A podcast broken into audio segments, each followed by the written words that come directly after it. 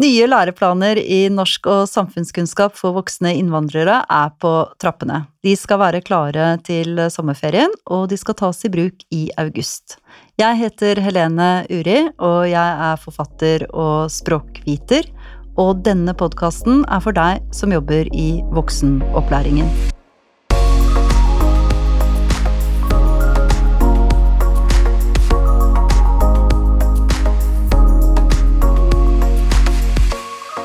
Og den nye læreplanen den fokuserer på at deltakerne utvikler språket sitt gjennom å kommunisere og delta i varierte og meningsfulle sammenhenger. Også utenfor selve opplæringssituasjonen. Og planen legger opp til at du som norsklærer skal hjelpe deltakerne til å trekke erfaringer fra andre arenaer inn i opplæringen, og at du setter dem i stand til å prøve ut språket for eksempel i praksisplassen, i hverdagslivet, foreldrerollen, eller hvis de er i annen utdanning. Så hvorfor er det så viktig, og hvordan i all verden skal vi gjøre det? Så med meg for å snakke om dette, så har jeg Kaja Vinsnes, som vi har møtt før, og som fremdeles jobber i Kompetanse Norge. Hun er prosjektleder for norsklæreplanen. Og så har vi med oss Astrid Stolesbury, som er lærer ved Karmøy voksenopplæring, som vi har med oss på moderne, digital eh, måte her i studio. Og så har vi Berit Olin, som er leder ved Lørenskog voksenopplæring. Og saken er at både Karmøy og Lørenskog kommune har deltatt i et utviklingsprosjekt som handler nettopp om det å koble norskopplæring med praksis og arbeid. Så de har altså mange års erfaring med det som den nye læreplanen ønsker at vi skal gjøre. Og den erfaringen skal de dele med oss her i dag, og vi skal lære masse av dere. Så hjertelig velkommen hit i studio til dere alle tre. Eh, Kaja, jeg tenkte vi skulle begynne med deg. Eh, altså, det at norskopplæringen skal dra veksler på andre arenaer, der hvor de elevene da befinner seg, hva, hva innebærer egentlig dette? Eh, det innebærer at uh, vi har i, den, uh, i, de nye læreplanene så har vi et uh, kompetansebegrep som skal ligge til grunn for all forståelse av læreplanene. Og der er det å kunne bruke det man lærer, altså ta det i bruk i praktiske situasjoner og til det man har bruk for, det er det som er på en måte det man vurderes på. Det er ikke fokus hva man har fått opplæring i, men det er hvordan man faktisk kan bruke, for det er jo det som er målet med opplæringen i norsk og samfunnskunnskap, det er jo at det skal sette deltakerne eh, best mulig i stand til å håndtere egne liv og komme i jobb og utdanning og det de har behov for i Norge. Uh, og da, hvis man skal få trent opp den ferdigheten, altså det å ta ferdighetene i bruk da, mm. i, i f.eks. i jobb, det er noe helt annet enn i klasserommet, og det må man få trening i. Og da tenker vi at det er bedre å få den treningen når man får opplæring, sånn at læreren kan stå bak og støtte opp og gi gode oppgaver som deltakerne kan jobbe med ute, og så få veiledning og hjelp til å bearbeide etterpå, enn at de skal først få norskopplæring og opplæring i samfunnskunnskap, og så kastes ut i omgivelsene ute uten å egentlig være forberedt på hvordan i all verden de skal ta alt det de har lært i bruk, da. Ja, så det dere har fokus på, det er å ha med dette perspektivet helt fra begynnelsen av, helt fra første helt, time? Helt fra begynnelsen, at man mm. eksplisitt jobber med å snakke om hvordan kan dere ta dette i bruk, og jobbe med ulike strategier. Hva skal du gjøre hvis du ikke skjønner hva kollegaer sier når du er i praksis eller jobb? Hva skal du gjøre hvis du ikke skjønner oppgaven du får hvis du skal inn i en annen type opplæring, osv. At man jobber med ulike typer strategier da, for å mestre det. Og har dere inntrykk av, når dere har kontakt med lærere, at dette oppleves som utfordrende? At dere gir dem eh, en vanskelig oppgave her? Ja, altså for det, det andre perspektivet her, det er jo at vi vet at eh, arbeidsliv og livet utenfor, altså den autentiske, virkelige kommunikasjonssituasjonene, det er jo de som er det beste utgangspunktet for å lære eh, språk, og, og, alt det andre som vi skal lære i samfunnskunnskapen også. Sånn at eh, de lærerne som har på en måte blitt vant til å bruke disse erfaringene deltakerne gjør seg utenfor klasserommet, de eh, tror jeg ikke går tilbake på det, men det kan jo de andre snakke om. Men, ja. Eh, mm. Nå skal vi høre alt om dette fra Astrid og, og Berit. Jeg har lyst til egentlig å kaste meg over dere med en gang, jeg. Ja. Uh, skal vi begynne med deg, Astrid, som eh, sitter inne i maskinen der borte på Karmøy. Uh, hvordan har det vært, vært, å være med på å utvikle denne metodikken, for det har jo dere gjort i samarbeid med Kompetanse Norge? Ja, det stemmer. Uh, jeg synes Det har vært veldig spennende. Um, og jeg tenker På bakgrunn av at en har vært i voksenopplæringen lenge, så ser en jo at det er viktig med en, en annen læringsarena i tillegg til klasserommet. Så det å kunne koble klasserom opp mot det som vi har gjort etter språkpraksis, eller arbeidspraksis, har vært kjempenyttig. Men det er klart vi har hatt eh, god veiledning underveis og har stått i det såpass lenge at det, da kan du på en måte jobbe med det over tid. Så du, du gjør deg en del erfaringer sånn, som er viktig å ha med på, på veien. fordi det må settes i et system, tenker jeg. Når en eh, jobber med språkopplæring, så må en ha en god plan, og en må ha et, eh, et, et godt system på plass for å få det til. Og det er enklere å gjøre når en har stått i det såpass lenge. ja. Og Berit, eh, hva, hva sier du? Eh, vi syns jo det er veldig spennende og veldig nyttig, og vi ser jo at målet vårt med dette er jo at deltakerne våre skal få den kompetansen som gjør at de får en varig tilknytning til arbeidslivet senere. Og da tenker vi at dette her er jo et ledd på veien til det. Så og deltakerne får jo ofte jobb etterpå også. Ikke alle, men de er i hvert fall på vei til å få seg jobb. Mm. Og skal jeg spørre deg igjen da, Astrid, begynne med deg. Har du noen råd til lærere som nå hører på dette, og som ønsker å begynne å gjøre det samme som eh, dere har gjort eh, på Karmøy. Hvordan, hvordan skal man begynne med dette her? Jeg tenker det, En må jo frigjøre seg litt fra læreverket, tenker jeg, og ikke være så redd for å frigjøre seg litt fra læreverket. Um, en må ha med seg uh, kan du si, ledelse og, og, kommune for å kanskje få det til. Ha et godt, uh, være åpen for å jobbe litt annerledes. Ha få på plass tverrfaglig samarbeid. Mm. Og være litt fleksibel på en måte i, i tilnærming til språkopplæringen. Um, men uh, jeg tenker Og ikke være så redd for uh, å kanskje gjøre feil på veien. fordi altså, Når en starter opp med noe nytt, så må en kanskje ikke legge lista så veldig høyt. Men òg uh, lese seg litt opp. Det ligger mye godt fagstoff på feltet inne på Kompetanse Norge. og Nå legges det både filmer og veiledning. Det tror jeg er kjempenyttig på forhånd før en starter opp. Og lese litt om eh, andre sine erfaringer. Både Lørenskog og Karmøy kommer jo ut med gode veiledere.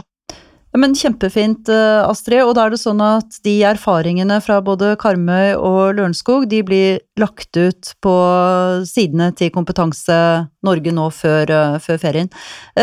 ok, Uh, Berit, kan ikke du fortelle sånn helt konkret, hva, hva, er det dere gjør, hvordan gjør dere det? Uh, nå er det jo jeg som holder på å prøve å legge og sy sammen dette for lærerne, uh, i samarbeid med flyktning- og innvandrertjenesten i Lørenskog, så vi har tett samarbeid dem, med dem her i Lørenskog, da. Utfordringen er jo litt det å få dette her til å passe, at det blir nok timer, for vi har introduksjonsdeltakere som skal ha sine timer, så det vi har gjort hos oss, er at vi har sett disse mm, timeplanene over to uker. For hos oss er det én uke på, i praksis, og så er det én uke på skolen. Og det at det er én uke i praksis sammenhengende, det har vært eh, veldig viktig for arbeidslivet og der hvor de er i praksis. Rett og slett for da får de deltatt i alle arbeidsoppgavene som er gjennom en uke. Nettopp, men har dere da noe kontakt med dem når det, de er i praksis, at dere oppsøker dem på arbeidsplassen? Ja, det gjør eh, programkoordinatorene, eller veilederne på flyktning- og innvandrertjenesten, de følger opp der. Eh, mange ønsker nok at det skal være lærerne, men dette her er jo igjen litt sånn som jeg har nevnt, eller som mange kanskje nevner, er at det er jo også et økonomisk spørsmål på, for voksenopplæringene. Så vi har hos oss har vi valgt den modellen at det er flyktning- og innvandrertjenesten som følger ut ute på praksisplassen i forhold til integreringsoppgavene som vi, holder, som vi lager. Og språklæringen, da? Hvordan blir den ivaretatt av Språklæringen, den Vi bruker jo integreringsoppgaver. Så den uken som de da er hos oss, så vil læreren f.eks. på fredagen gå gjennom integreringsoppgavene som, da skal, som deltakerne skal utforske på arbeidsplassen sin uka etterpå. Da øver de seg i klasserommet først på ulike metoder, samtaler. Ehm, læreren lager kanskje setningen på tavla ut ifra det temaet de skal ha uka etterpå og utforske, f.eks. pauseprat. Hva skjer i pausene på arbeidsplassen? Fortell om pauseprat. Hvordan, eh, hvordan underviser man i pauseprat? Eh, da kan man jo begynne f.eks. med å snakke litt om hvilke interesser har du. Har du noen hobbyer? Hva gjør du på fritida? At vi begynner der i klasserommet. Så går elevene litt i grupper og snakker litt om dette her. Så lager, um, så lager de noen plakater, kanskje, som de setter på veggen, uh, hvor de har skrevet litt om dette her. Så tar læreren da det og lager noen setninger sammen med elevene og språkvasker på en måte litt setningene skal du lykkes med å koble disse to eh, undervisningsrommene, så er disse integreringsoppgavene kjempeviktige. Mm. Jeg tenker at Hvis du da har noe som du skal se etter på jobb, eller et språk som du leter litt etter, så har du mye større sjanse for å bli språklig bevisst. Og Det er, kan en ta litt for gitt, men en vet ikke alltid hva en skal se etter er både ny i Norge og ny på arbeidsplassen og føler seg kanskje i utgangspunktet ikke superkompetent og kanskje mangler litt selvtillit når en skal på jobb. Mm. Så da det at en har en oppgave som en skal ta med seg, og om det er å bli kjent med kollegaer og snakke i pausen, eller om det er å se etter skilt som henger på arbeid, eller andre instruksjoner, så gjør det at du du blir mer bevisst og du blir mer oppmerksom på at det, oh ja, det var i hvert fall oppgaven jeg skal ha i forhold til skolen. Da har jeg eh, noe jeg kan snakke om i forhold til det. Og så blir det en, en trening i å lete etter språk, på en måte. Mm. Og Det tenker jeg er kjempenyttig med integreringsoppgavene. Mm. Ja, her øker det jo bevisstheten, pluss at du faktisk uh, gir deltakerne noe å holde seg fast i. Jeg syns mm. det høres veldig, det også, veldig lurt ut. Det gir også en, en, på en, måte en legitim grunn til å bruke tid på sånne ting når man er på arbeid. Det er veldig mange som er ute i praksis og arbeid som tenker at hvis jeg bare vasker opp ekstra mye, så er jeg i hvert fall ikke veien. Men hvis du har med deg en oppgave som du skal gjøre på vegne av, eh, av opplæringen, så er det mye lettere å tørre å, å stikke seg fram og si du, nå trenger jeg at vi prater sammen, for det har jeg fått i lekse. Så tenker jeg også det at man får jo et språk som er veldig relevant. Begreper som er re veldig relevante. For jeg har jo opplevd selv også når jeg var ute selv på praksisplasser, eh, hvor jeg spurte deltakerne hva er det du gjør nå, det var en som jobbet i barnehage, var ute, og barna huska der borte. Så sa jeg hva er det de barna gjør? Jo, de gjør, de gjør sånn sånn, sier hun. Så sier jeg, men hva betyr det, hva heter det de gjør nå? Ikke sant, altså du får veldig konkrete arbeidsoppgaver som, nei, et språk som gjør at det blir veldig relevant for dem, da. Ja, og så husker man det jo, fordi man lærer det i situasjonen hvor du ser disse huskende barna, så husker du at det, her hadde vi en homofon, da husker du at det heter huske. Ja. Så, så, tenker jeg også at når du har uh, integreringsoppgaver, så gir det jo oss lærere òg en veldig sånn konkret ting som vi skal ta fatt på i klasserommet. Mm. Vi vet hva vi jobber med, og du kan gi samme integreringsoppgave til alle elevene i klasserommet. Så tenker jeg òg at det, det, det, spørsmålet vi får fra mange andre lærere, er jo Oi, men dere har så mange arbeidsplasser, hvordan, hvordan får dere det til? Og da tenker jeg det at en faktisk kan ha samme integreringsoppgaver uavhengig av hvilken arbeidsplass de er på. Det tenker jeg er så nyttig. Ja, men hvordan, hvordan får ja. dere til det, når folk lever så forskjellige liv som de gjør, og noen er hjemme og passer barn, og andre er ute i praksis, og noen holder kanskje på med en, en utdanning? Hvordan, hvordan, får dere til det? Blir det ikke veldig, veldig mye forskjellig? Det må følges opp? Jo, det kan en jo si, men så tenker jeg så er det og veldig mange felles tema. Så, det, så når vi har vært på spor 1, da, som du skal inn i et språk som er helt i begynneropplæringen, så er det veldig mye felles tema som en kan ta fatt i. Det kan være arbeidsklær, arbeidstid, det kan være fritidsinteresser, det kan være oppslag som du finner på arbeidsplassen, eller skilt på arbeidsplassen. Vi har lagd en sånn temaliste i veiledningen som en kan gå inn og se på. Og så er det jo masse forslag til integreringsoppgaver hos dere, Berit, mm. som òg er, er sånn universelle oppgaver.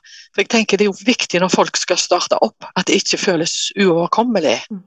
Um, eller så kan en bli litt sånn Oi, fikser jeg dette her? Men jeg tenker, finn noen gode fellestemaer, og så hiv deg utpå. Jeg syns jo dere to har vært veldig flinke, Astrid og Berit, til å fremheve at det det dreier seg om her, det er å ha litt lave skuldre og slå seg løs og finne litt ut underveis og, og frigjøre seg, rett og slett. Mm. Og, og, være litt sånn kreative. Og, så dette syns jeg dere har vært veldig flinke til å få gjennom, at dette, dette lar seg gjøre i, for alle, tror jeg. Det er bare å hive seg rundt og, og gjøre det. Mm. Eh, jeg har lyst til å ta opp tråden. Eh, dere snakket eh, så vidt i sted om det å bruke digitale verktøy. Kan vi, kunne du sagt litt mer om det, Berit? Hvordan man kan bruke det i denne måten å undervise på? Mm -hmm. Det er jo viktig at du får opplæring i digitale verktøy. Fordi ofte så er det jo mange som ikke kan så mye om det. Selv det vi tenker alle kan, det er det ikke alle som kan. Hos oss så får alle iPader, og de, de kan de ta med seg ut på arbeidsplassen. Der kan de da ta videosnutter, de kan ta bilder ut ifra tematikken som vi da har.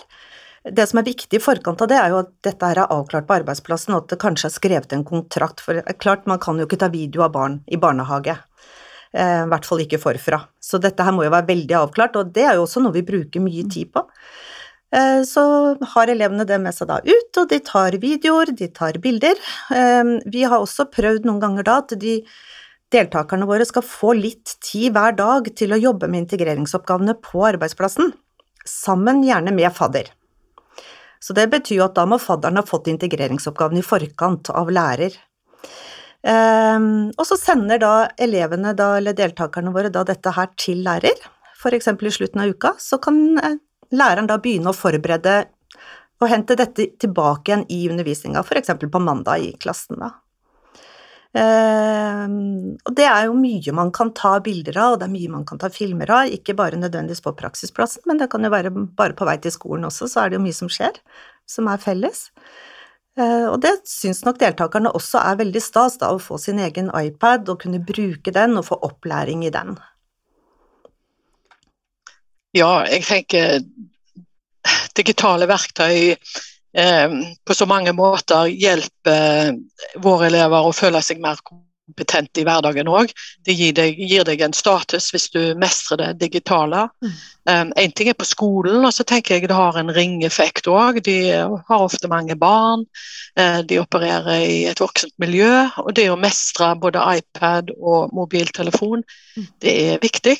Og da tenker jeg, uh, hvis vi har ekstra fokus på det på skolen, så, uh, så det, det, har ofte Jeg vil si at det, det har større betydning enn vi kanskje tror. Mm. Men hvordan, hvordan, klarer dere å skape dette fellesskapet, når det tross alt dere har eh, da deltakere som er ute og gjør forskjellige ting og er, befinner seg på forskjellige steder. Altså da når dere møtes i klasserommet, hvordan klarer dere da å lage dette fellesskapet? Jeg vil jo si at da når du har det digitale, og de har bilder med seg som de har henta på jobb, eller de har et lydopptak, så gjør det jo, eh, eh, har du en unik mulighet at de kan vise fram den praksisplassen de har på. Nå har vi jo digitale tavler i alle klasserommene, og da kan en vise det en har henta på, på, på, praksis, og vise det i forhold til andre elever. og Bruke rydda tid i klasserommet, da, sånn at alle får tid til å vise fra sin språkpraksis. Så jeg vil jo si at du, De andre elevene har kjempeutbytte, for de blir da kjent med arbeidslivet, og kanskje òg litt lokalmiljø. Og eh, det, det, du har mange bonuseffekter med å jobbe på den måten. Kaja, hadde du lyst til å si noe? Ja, jeg tenker jo at det gir en um, nettopp eh, det, de mulighetene som ligger i det digitale, som ikke bare er å komme tilbake i klassen og fortelle, for da er det vanskelig med lavt språklig nivå for alle å følge med og skjønne hva man egentlig snakker om, men når du har bilder og lydfiler og sånne ting, så, så gir det jo veldig mye kontekst Og det vet vi jo at jo mer støtte man har i konteksten, jo mer avansert eh, samtaler eh, og metaspråklige samtaler og alt dette her kan man ha med eh, lavere språklig nivå også. Sånn at eh, du kan jo snakke om eh, etiske utfordringer på arbeidsplassen med relativt lavt språklig nivå. Uh, hvis man har bilder og, og alle liksom skjønner hva det er vi snakker om, da. Og så får man jo også et sånt eierskap til undervisningsmaterialet når man bidrar til å lage det selv. Mm. Ja, og så tenker jeg også at det er veldig viktig, uh, for det er veldig viktig for oss at dette med at norskopplæringen skal uh, ha et fokus på f.eks. da arbeids... Det, altså språket i arbeidslivet. Det er jo ikke fordi at vi skal eh, bare skuffe folk inn i arbeidslivet, få dem fortest mulig med et mest mulig avgrenset språk for å klare akkurat å jobbe som renholdere. Dette skal jo være De skal jo få en fleksibel språkkompetanse som de skal bruke gjennom resten av livet, og vi håper jo at de vil ha forskjellige typer jobber, og kanskje de skal jobbe litt og så ta videre utdanning, så de må jo få et komplekst språk. Og da er det jo viktig at de ikke bare lærer hvordan instruksjoner skjer på akkurat den praksisplassen de er, men at de får disse eh, samtalene om hvor hva som er likhetene, hva er ulikhetene, og hvorfor er det egentlig HMS-regler alle steder, selv om de kan se ulike ut og sånne ting, at det, det er viktig å, å, få det opp. Ja. Starte med det konkrete, men gjennom alle disse konkrete situasjonene så kan man bygge et litt mer sånn abstrakt og, ja, og eh, forståelse. Et, og bygge et fellesskap ut fra de mm. ulike erfaringene, rett og slett fordi det også er mange likheter. Mm. Uh, Berit, det er noen utfordringer med denne metoden nå, regner jeg med? Uh, ja, og det kan det jo være, men uh, altså noe av det kan jo være at noen av lærerne kan oppleve at det å bruke mye arbeidsretting i språket kan eh, bli vanskelig i og med at elev, alle deltakerne våre de skal opp til norskprøver. Men i og med at det blir veldig mye arbeidsretting, så er det en del av det som da er tematikken i norskprøvene, de må også ivareta den delen. Mm. Og det vet jeg at mange lærere syns kan være utfordrende. Ja, men uh, du, du, ser jo veldig glad og fornøyd ut, så det er, uh, det er mest positivt og Ja, ja, ja. ja. Og, og er jo, vi er jo veldig fornøyde med det. Men, må, men, jeg tror det er viktig det at hvert opplæringssenter må tenke hva vi kan gjøre hos oss.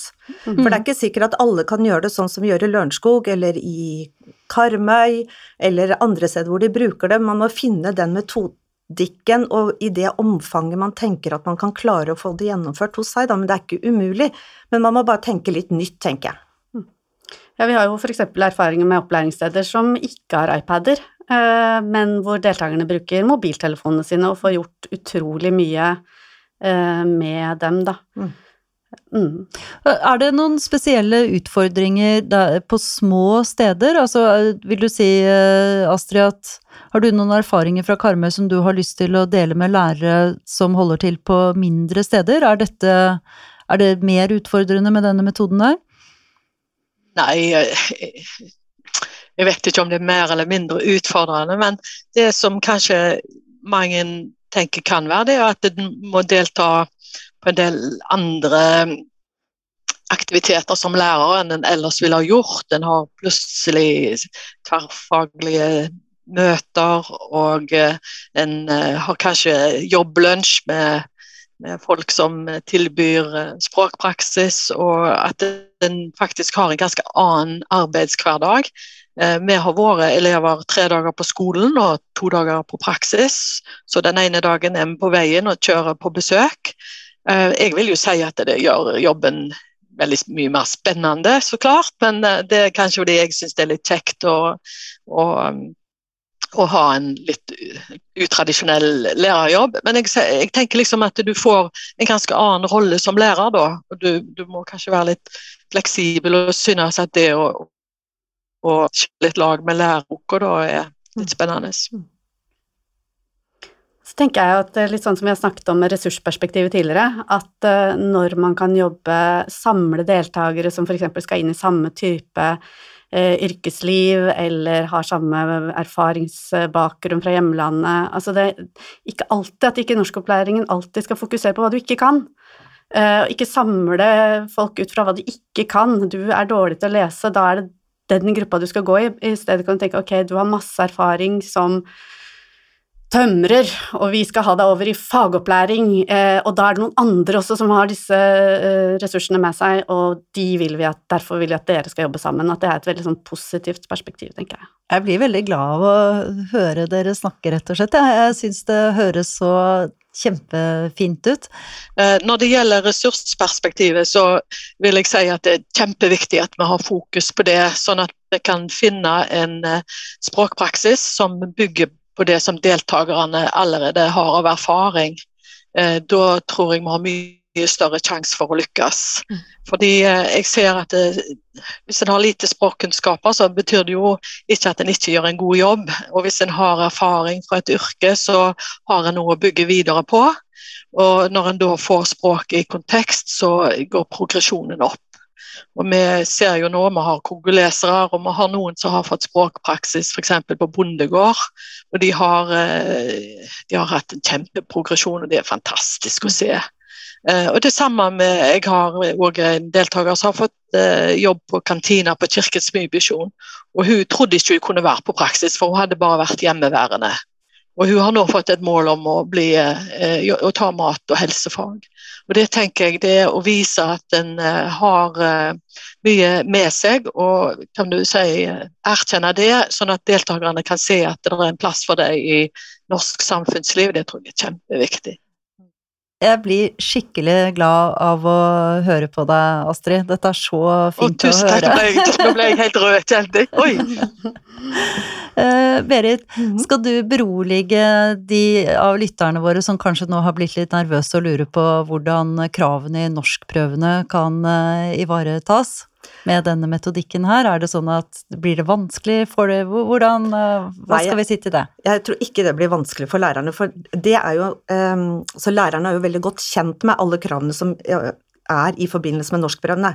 Så det, er det noe de har under huden, så er det jo i hvert fall det. Uh, og jeg tenker at veldig mye kan man jo bruke også det med arbeidsretting, og hente inn og bruke det inn f.eks. i grammatikk, da, og lage oppgaver og ha fokus på det gjennom det.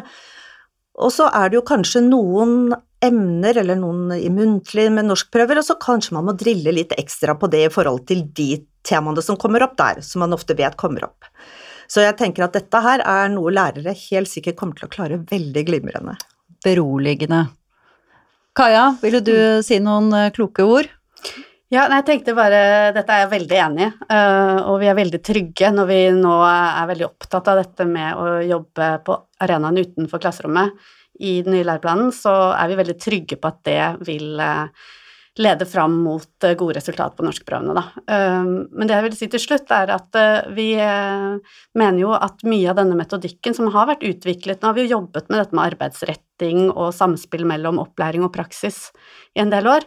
Men vi ser jo også at denne metodikken, ulike måter selvfølgelig å gjøre det på, men kan også brukes når deltakerne ikke er praksis, f.eks. nå under korona, så er det jo mange som har fått oppgaver hjemme som de skal gjøre i familien eller i nærmiljøet, og fremdeles den typen å få språklige oppgaver, bli språklig bevisste og samarbeide med andre deltakere og læreren med å bearbeide og reflektere over dette, sånn at det blir til varig kunnskap. Og vi ser også nå at en del vil få denne opplæringen i kombinasjon med deler av fagopplæring eller deler av fag fra videregående.